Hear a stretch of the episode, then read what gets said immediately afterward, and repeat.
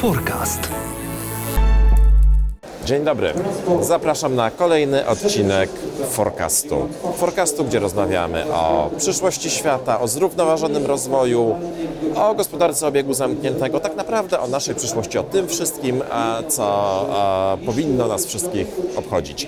A moim gościem jest pani Henryka Bochniarz, przewodnicząca Rady Głównej Konfederacji Lewiatan i wieloletni prezes Boeinga w Polsce i w regionie.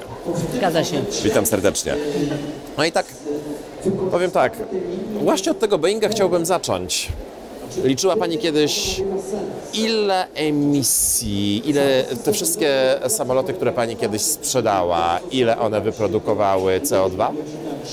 Nie liczyłam, ale przyznam, że myśmy w Boeingu mieli, tak powiem, liczenie śladu węglowego dla absolutnie za, na wszystko, co robiliśmy, każdą podróż. Także ja swoje indywidualne oczywiście miałam, tak? Natomiast jak to wygląda na wszystkie samoloty, no to jest już dość rachunek, chociaż oczywiście one są dostępne w organizacjach międzynarodowych i wiadomo, że e, samoloty to jest właśnie jedna z tych dziedzin, która, z którą na pewno coś trzeba będzie zrobić. No i zresztą wydaje się, że się ciągle coś robi, żeby ten, tak powiem, wpływ na środowisko maksymalnie ograniczyć, nie tylko poprzez to, e, jak lecimy, tak, bo to, to się zauważa, ale masa rzeczy związanych przede wszystkim z produkcją, tak, dostawcami.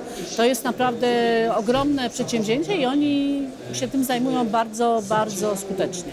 No właśnie, coś się robi, ale jeżeli spojrzymy e, na emisję z lotnictwa, to ten spadek wynikający z większej efektywności, z większej dbałości o redukcję tych emisji ma się nijak do tego, jak te emisje nam rosną ze względu na e, wzrost skali transportu lotniczego. Czy to jest tak, że my jesteśmy w tej chwili na etapie, gdzie nam się to wszystko zaraz zawali i będą, nie wiem, agencje regulacyjne, rządy, organizacje międzynarodowe będą musiały coś zrobić, nie wiem, wprowadzić jakiś podatek lotniczy a, i zahamować rozwój przemysłu lotniczego? Czy jesteśmy w stanie w sposób zrównoważony rozwijać transport?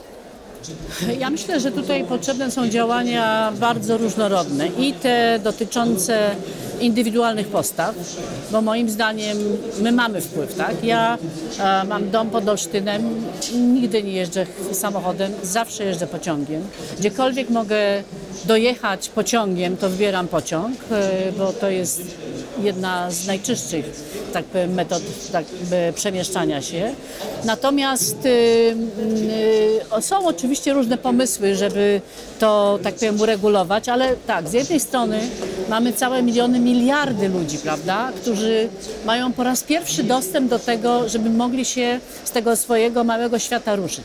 Przecież myśmy też w Polsce po tylu latach zamknięcia rzucili się na te możliwości podróży, prawda, jak szaleni. To dotyczy Chińczyków, no to są już trochę większe liczby, prawda, ale Hindusi, Afryka, wszystko przed nami.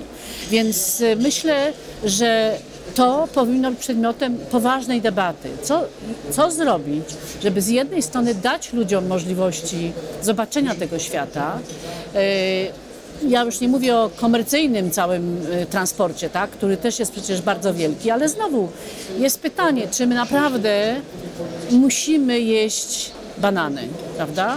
Czy nasze jabłka, które zresztą tutaj są wielokrotnie pokazywane na konferencji, czy to nie jest y, naprawdę dobry owoc, tak?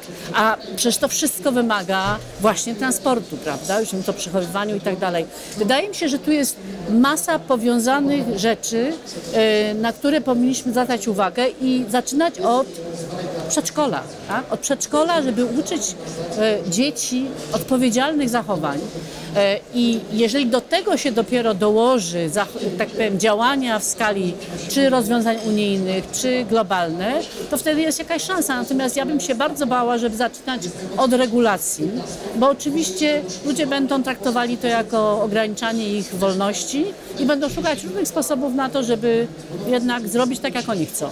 Ta oddolna zmiana zachowania częściowo gdzieś się zaczyna dziać. Szwedzi wymyślili nawet słowo na wstyd przed lataniem, czy wstyd z powodu e, latania i zaczyna być w złym tonie e, latanie. Mamy Gretę Thunberg, która wybrała się jachtem za ocean. No co prawda jacht e, tam jakiegoś miliardera, miliardera naftowego, ale jacht ekologiczny. Tylko pytanie, czy e, licząc na takie ruchy oddolne i taki wzrost świadomości i taką edukację od przedszkola, pytanie, czy nam starczy czasu. No, jeżeli spojrzymy na wzrost e, w ogóle naszej mobilności, lotniczej szczególnie, ale nie tylko, a, no to ten wzrost jest niesamowicie szybki. Natomiast te działania, wszystkie, o których Pani mówi, będą trwały, będą trwały lata, generacje. E, czy to nie jest tak, że w którymś momencie po prostu się okaże, że obudzimy się i będzie za późno? Więc tutaj wydaje mi się, że tego czasu oczywiście nie ma, tak? I tak jak e, pamiętam, jak zaczęły się debaty na temat e, zmian klimatycznych i to się wydawało, to wszystko jest takie strasznie odległe, prawda? No tam ci naukowcy badają, tam te lodowce się topią, ale że to wszystko po pierwsze niekoniecznie ma wpływ na nasze życie, tylko gdzieś właśnie ktoś coś bada i, i pokazuje e, i że w związku z tym nie ma potrzeby, żeby podejmować jakieś takie bardziej radykalne działania, bo może tak następne pokolenia będą się musiały z tym zderzyć. Teraz widzimy, że ten rozwój, wzrost, którym jesteśmy zafascynowani, zawsze e, o to walczyliśmy, tak? A to 5% wzrostu, 6% wzrostu. Teraz się nagle okazuje, co nam z tego wielkiego wzrostu, skoro mamy w Krakowie trzykrotne przekroczenie zanieczyszczeń i w związku z tym e, nie możemy, tak powiem, z niego korzystać, bo jesteśmy uwięzieni w domu, łącznie z naszymi dziećmi, bo, tak powiem, boimy się wyjść. Więc zmienia się to myślenie i wydaje mi się, że jeżeli to zostanie sprzężone z, e, sprzężone z działaniami właśnie e, regulacyjnymi, to wtedy jesteśmy w stanie ten, pewne procesy zahamować, no bo mówię, ten, ta granica, o której mówimy, tak, że wzrost powyżej 1,5 stopnia e, w tej chwili Celsjusza, to jest naprawdę perspektywa, że ten 2030-40 to zaczynają się już autentyczne problemy. E, Ja myślę, że to, że to już naprawdę przemawia do wyobraźni, ale ciągle za mało o tym mówimy. Niestety problem polega na tym, że politycy, którzy mają swoje bardzo krótkookresowe, tak powiem, strategie, bo od wyborów do wyborów, jeżeli trzeba wprowadzić jakieś rozwiązania, na dodatek one są niewytłumaczone, to co się stało we Francji, prawda? Kiedy podwyżka, niby Macron, fantastyczny projekt, akurat pierwszy do walki o, o to, żeby powstrzymać te zmiany klimatyczne, y, podwyżka cen diesla, no i do dzisiaj mamy ludzi na ulicy, tak? Więc jeżeli nie robi się tego w sposób właśnie dający ludziom szansę na to, żeby się mogli do tego dostosować, żeby nie czuli, że to jest jakaś opresja i coś przeciwko nim, to niestety e, obawiam się, że właśnie te odgórne polityki nie skojarzone z, ze zmianą świadomości, edukacją, nie dadzą po prostu efektu. To kto w pierwszym rzędzie powinien się tą edukacją e, zająć i tak naprawdę tą zmianą kompleksową? Bo tak, politycy mają krótką perspektywę, czyli trudno od nich tego oczekiwać. Firmy są powołane chyba jednak do czegoś innego, bo mają przynosić wartość swoim akcjonariuszom. E, liczyć na to, że ruchy oddolne, no to też chyba troszeczkę jeszcze e, byśmy na to musieli poczekać. Kto? Ja myślę, że wszyscy.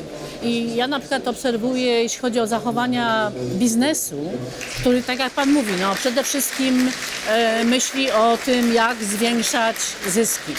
Że jednak e, jest coraz większe myślenie o tym, że nie odpowiadamy tylko przed swoimi akcjonariuszami i właśnie tylko i wyłącznie za to, co mamy w bilansie, tylko za dużo więcej. Firmy wiedzą już o tym, że jeżeli, zwłaszcza przy funkcjonowaniu mediów społecznościowych, zostaną pokazane jako truciciele, e, niszczący lasy i tak dalej, to naprawdę płacą dokładnie pieniędzmi.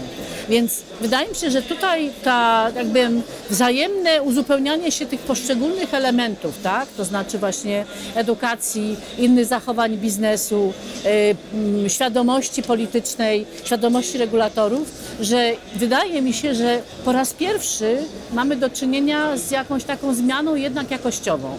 Choć oczywiście, jak patrzymy na to, co się stało z pakietem klimatycznym i umową paryską, to trudno być y, wielkim optymistą. No ale mówię, politycy nie trwają wiecznie, więc y, myślę, że ta świadomość, y, która się przełoży na wybory polityczne, też będzie dawała efekt, bo naprawdę ludzie już coraz bardziej rozumieją, że to jest ich życie i zdrowie, tak?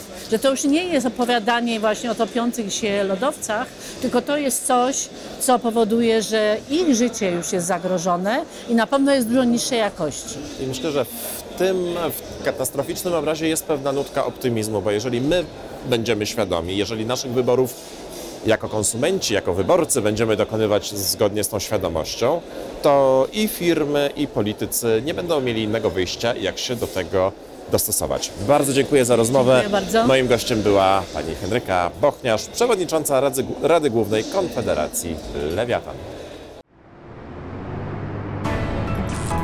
Forecast.